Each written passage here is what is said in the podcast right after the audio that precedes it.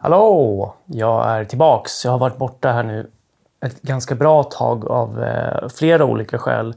Eh, ett som jag återkommer till eh, senare i videon, men sen är det också bara generellt livgrejer och sådär. Men väl tillbaka så tänker jag att vi ska snacka lite om ett av mina favoritämnen, konditionsträning. Och eh, träningsupplägg baserat på fysiologiska trösklar kan man väl säga.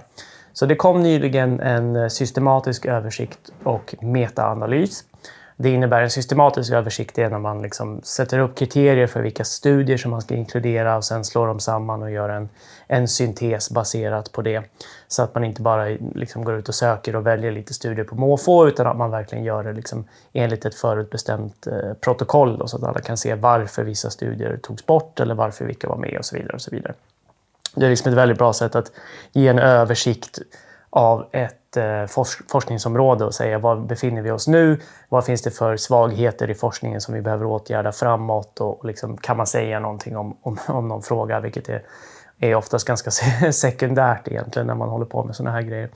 Eh, och sen så hade de då gjort en metaanalys, vilket är ett väldigt fint ord som innebär att man tar liksom resultatet från studier och sätter samman dem ungefär som att det vore en studie där man hade gjort samma sak. Liksom. Så fast det är flera studier där man liksom har mätt lite olika saker och kanske gjort lite olika saker i form av träning i det här fallet. Då, eh, så, så behandlar man det ungefär som att det vore en studie då för att man ska få som en stor studie istället för flera små studier. Och så ser man då, finns det någon stark signal här? Finns det något resultat här som vi kan säga? Liksom? Funkar väldigt bra i forskningsområden där det är homogena metoder och homogena liksom, protokoll och sådär och, och, utvärderingar och så.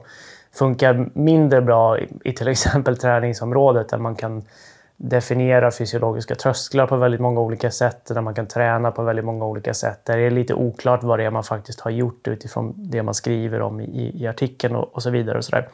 Eh, så att man ska alltid ha med sig det när man pratar om eh, metaanalyser och sådär inom träningsområdet, att det är rätt ofta mer eller mindre garbage. Men i det här fallet så är det väldigt liksom, duktiga forskare som har gjort det, som är väldigt eh, inlästa på området. Eller liksom, givetvis är de det, men, men eh, jag skulle gå i god för att de i alla fall fattar vad de håller på med. Och det de hade tittat på här var om man under en mesocykel, alltså en lite större cykel, kanske i det här fallet var det ungefär sex veckor i de inkluderade studierna, så man har då, alltså mikrocykel kan vara till exempel en vecka, mesocykel är medel, en medellång cykel som kan vara typ en månad eller kanske ett par månader eller så. Och sen har du en makrocykel som kanske är en säsong eller något vidare. Eller så, eh, så om du under en sån här medellång period, ungefär sex veckor, tränar antingen då bara under den andra tröskeln, critical speed, critical power, andra laktattröskeln, respiratory compensation point, vad du nu vill kalla det. Eller om du adderar träning över den tröskeln, alltså högintensiv träning. Så att om du bara då tränar låg och medelintensivt eller om du då även lägger till högintensiv träning. Vad händer med din prestationsförmåga? Vad händer med ditt maximala syreupptag? På förhand så vet jag vad ni tänker. Ni tänker att de som lägger till högintensiv träning kommer ha bättre förutsättningar för att bli bättre än de som bara tränar låg och medelintensivt. Så tänker jag också. Det är ganska rimligt att tänka så. Att liksom dels då att du behöver alla delar av spektrat för att kunna prestera i de flesta konditionsidrotterna. Och man tänker också att högintensiv träning är det bästa sättet att påverka en av de tre eller fyra stora faktorerna som påverkar konditionsprestation, nämligen VO2 max. Eller hur? Det är så man gör. Man kör högintensiv intervallträning för att man vill höja sitt maximala syreupptag. Det är liksom på förhand det som alla, även inklusive de här forskarna, skulle jag tro, tänkte innan man gjorde den här metaanalysen. Och som sagt då, så tittade man på dels då maximal syreupptagningsförmåga men även då prestation. Och det kunde vara till exempel, eftersom det var många olika konditionsidrotter här så kunde det vara ro 2 kilometer, det kunde vara cykla 40 kilometer eller det kunde vara springa 3 kilometer. Så massa olika saker men generellt sett ganska, ganska högintensiva test och det är ju mycket för att man pallar inte göra en, en ultra liksom för 12 deltagare i en studie eh, två gånger före och efter en träningsperiod. Utan det, det, är enklare att bara sätta dem på en roddmaskin och låta dem ro i två, eh, två kilometer. Då är de klara ganska fort. Liksom. Kan, man, eh, kan man ta en fika sen. Och det man såg här då var att när det gällde VO2 Max så såg man en skillnad till fördel för de som la till högintensiv träning. De fick en högre eller större höjning av sitt VO2 max under de här ungefär sex veckors träningsperioderna då, jämfört med de som bara tränade, tränade låg och medelintensivt. Förväntat resultat, precis som jag sa. Det oväntade här är egentligen att när man tittade på prestationsmåtten, då, alltså till exempel då ro 2 km, så såg man ingen skillnad mellan de här grupperna. Så där spelade det ingen roll ifall du la till högintensiv träning för hur du utvecklades under de här sex veckorna. Så ska du liksom då köra ett tempolopp på cykel som är fyra mil och du har sex veckor på dig, då är det då alltså lika bra att träna bara låg och medelintensivt som ifall du lägger till högintensiv träning också. På ytan är det resultatet i den här studien, men det finns liksom väldigt många saker här som man måste tänka på. Och nu blir det lite så här vetenskapsnördigt och lite statistiknördigt här, men jag tror att man måste tänka på det när man tittar på det här resultatet. Och det här är också saker som forskarna tar upp själva, nämligen att alla studier här var väldigt små. Och så är det generellt inom träningsfältet. Det är som jag sa, det är ganska jobbigt att göra träningsstudier. Eller det är, som jag förstår det är det väldigt jobbigt att göra träningsstudier från när jag har pratat med forskare om det. Eh, och att göra då liksom väldesignade, väl utförda, stora studier blir nästan helt omöjligt eftersom det finns liksom inga ekonomiska incitament för att göra det. Det här är ingenting som Pfizer kommer tjäna några pengar på, så de lägger inte ner liksom miljarders miljarder på att göra sådana här studier. Utan det är liksom universitet som får göra det. Eh, och då blir det ganska små studier. Så en av grejerna som de kommer fram till var att för att egentligen kunna hitta signifikanta resultat på prestationsförmåga i en enskild studie så skulle man behöva ha 81 deltagare i den studien. Det är ju sjukt mycket. Alltså, man har ju oftast under 20 deltagare i studierna. Det är det absolut vanligaste att man har kanske runt 12 eller 15, 16, 17, 18 deltagare i studierna. Och det är alltså då för lite för att hitta statistiskt signifikanta resultat på prestationsförmåga om man jämför de här två träningsuppläggen över till exempel sex veckor. Det har ju då med att göra, och det är en annan grej som de påpekar, är att när det gäller liksom VO2 Max, då är det ganska lätt att säga att när du gör ett test före en träningsperiod och efter en träningsperiod och det blir en skillnad, då kan du säga att den skillnaden beror på en förändring i VO2 max med ganska stor säkerhet. Gör du samma sak med prestationsmått, alltså om du till exempel ska springa 5 km före och efter en träningsperiod, då kan det finnas väldigt mycket variation i själva testet i sig. Alltså att folk är olika bra på att ta ut sig eller liksom eh, pejsa sig eller sådär. Och det kan göra större skillnad än en, en, fysiologisk skillnad som kommer av till exempel en träningsintervention. Då. Så när man då säger att man inte ser någon skillnad i eh, prestationsförmåga om du har mindre än 81 personer så är det en sån sak som spelar in. För att kunna se de här små skillnaderna som man kan förvänta sig Givet den stora variationen som blir med den typen av test så behöver du ha väldigt många människor. Och det har man väldigt sällan i de här studierna. Det är nästan så att man inte kom upp i det, eller jag tror faktiskt inte att man kom upp i det med, till och med när man gjorde en metaanalys här. Och det berodde på att det var kanske bara fem, sex studier som hade tittat på det här då, som inkluderades. Eh, så man har liksom inte statistisk power, som man säger, för att hitta de här skillnaderna egentligen. Sen en annan grej som är att de kallade deltagarna i de här olika studierna för trained. Det här har jag och Jakob gjort ett helt avsnitt om i Tyngre träningssnack, det här med hur man definierar eh, studiedeltagare. Alltså om man säger att man har trained, alltså tränade deltagare, så kan det betyda helt olika saker i olika studier. Det kan vara faktiskt vältränade personer som liksom har ett VO2 max uppåt 70 och Eh, springer eller cyklar flera gånger i veckan och kanske har till och med tävlingsresultat och sådär.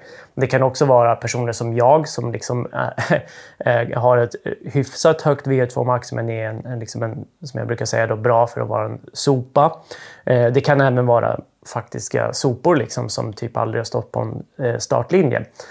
Och det är ju problematiskt eftersom om man då ska liksom, som sagt, klumpa ihop de här och säga att nu gör vi en studie här, då får du liksom ett väldigt heterogent en heterogen grupp då, liksom, som alla egentligen ska vara likadana men som inte faktiskt är det. Och det såg man även i de här studierna att det var ett jävla spann på till exempel personernas VO2 max eller deras prestationsförmåga så där, även inför studien.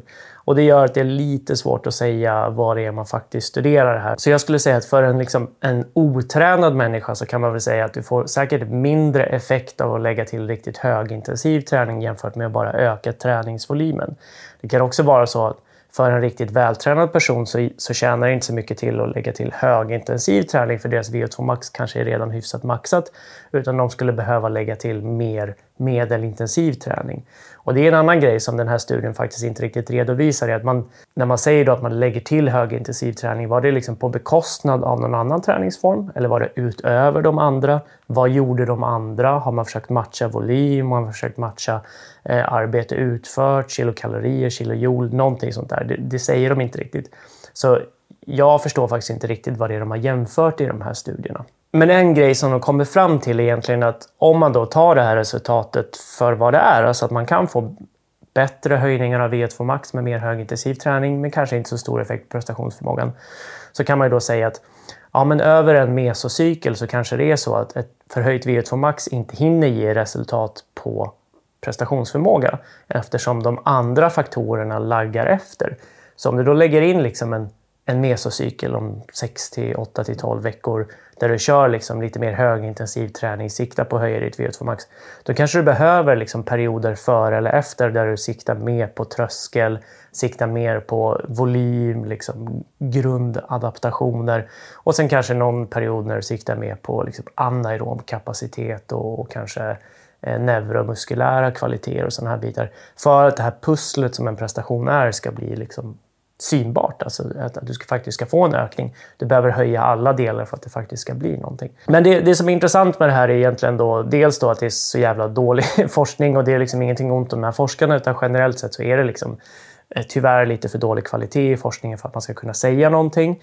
Och sen då att resultatet är relativt oväntat skulle jag säga. Alltså skulle man liksom gissa utan att veta vad resultatet var så skulle man nog inte säga att det blev på det här sättet. Men en grej som jag tycker att de är, gör väldigt bra i diskussionsdelen är att de föreslår en väg framåt. Då, för hur ska man då göra för att kunna göra bättre studier inom träningsfältet? Det, det är lätt att säga släng mer pengar på det, men det vet, det vet jag inte ens om jag tycker att man ska göra. Det finns ju liksom viktigare saker att lägga pengar på. Men det de pratar om är att man skulle kunna använda sig av lite mer citizen science-modellen, alltså att man låter deltagarna ta en större del i utförandet av studien. Så man har forskare och så som är med och designar studien och styr studien. Men sen får deltagarna utföra träningen själv, logga träningen själv och egentligen bara komma in för att få, eh, för att få liksom, träningsprogrammen och för att utvärderas, kanske de med prestationsmått och VO2 max-mått och sådana här bitar. Eh, så till exempel då, tar vi cyklister så skulle de då kunna förlägga sin träning på Zwift där man då kan se exakt vad det är de har gjort, om de har tränat enligt eh, liksom, upplägget som de har fått att de har kört alla sina pass, liksom att de har återhämtat sig tillräckligt eh, mellan och alla sådana här bitar. Eh, pratar vi löpare så skulle man kunna använda sig av eh, Strava till exempel för att se att de gör de tänkta passen och att de utför dem på ett korrekt sätt och sådär. Och så kommer de egentligen bara in kanske före, i mitten och efter träningsperioden för att utvärdera sig då, liksom fysiologiskt och prestationsmässigt. Eh, vilket då innebär att du kan få troligen en mycket större grupp du kan nå fler genom den här community-grejen som både Swift och Strava innebär. Och sen då också att du, eh, du, liksom, du, kan, du slipper vara så involverad i träningen. Du behöver inte låta dem komma dit och träna på ditt labb eller sådana här bitar. Så det, det, är en intressant väg framåt och de skriver att det här är säkert läskigt för forskare, vilket jag kan tänka mig att det är att släppa kontrollen på det här viset. Men att det troligen behövs för att man ska få liksom den, den statistiska och metodologiska robustheten för att vi ska kunna få svar på de här relativt oviktiga frågorna, får jag väl ändå säga. Nu till varför jag, delvis varför jag har varit borta här en period. Jag har skrivit en till bok eh, i min fruktlösa kamp för att eh, betala hyran, höll jag på att säga. Nej, men för att eh, dra in mera cash. Vilket jag inte kommer göra genom det här. Det här är liksom bara ett passionsprojekt kan man väl säga. Det här är min första barnbok som heter Tyra och tankarna. Eh, den finns att beställa av mig. Man kan höra av sig till mig så får man ett signerat ex. Och så kan man eh, kanske få en, eh, en tecknad katt eller något annat roligt i den. Så får man se varför jag baserade den här på mina fotografier snarare än att rita allting själv. Men den handlar egentligen om en, eh, en bångstyrig unge som eh, tröttar ut sin mamma. Mamman eh, spelas av min fru och hon spelar egentligen mig i den här boken kan man väl säga.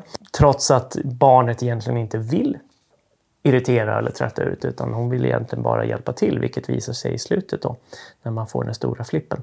Så det här är en bok för ungefär 3 till 6 åringar. Min dotter tycker väldigt mycket om den, dels för att hon då spelar huvudrollen men också för att jag tror att hon känner igen sig. Bokstavligen känner igen sig, det är liksom lekparken vi är i som den utspelar sig i och sådär men att hon känner igen sig i det man håller på med och sådär. Så att, eh, är man intresserad av den så kan man höra av sig till mig. Annars så bör den dyka upp på tyngre inom kort. Den kanske till och med finns där när den här videon släpps. Det var det hela. Vi ses och hörs när vi gör det.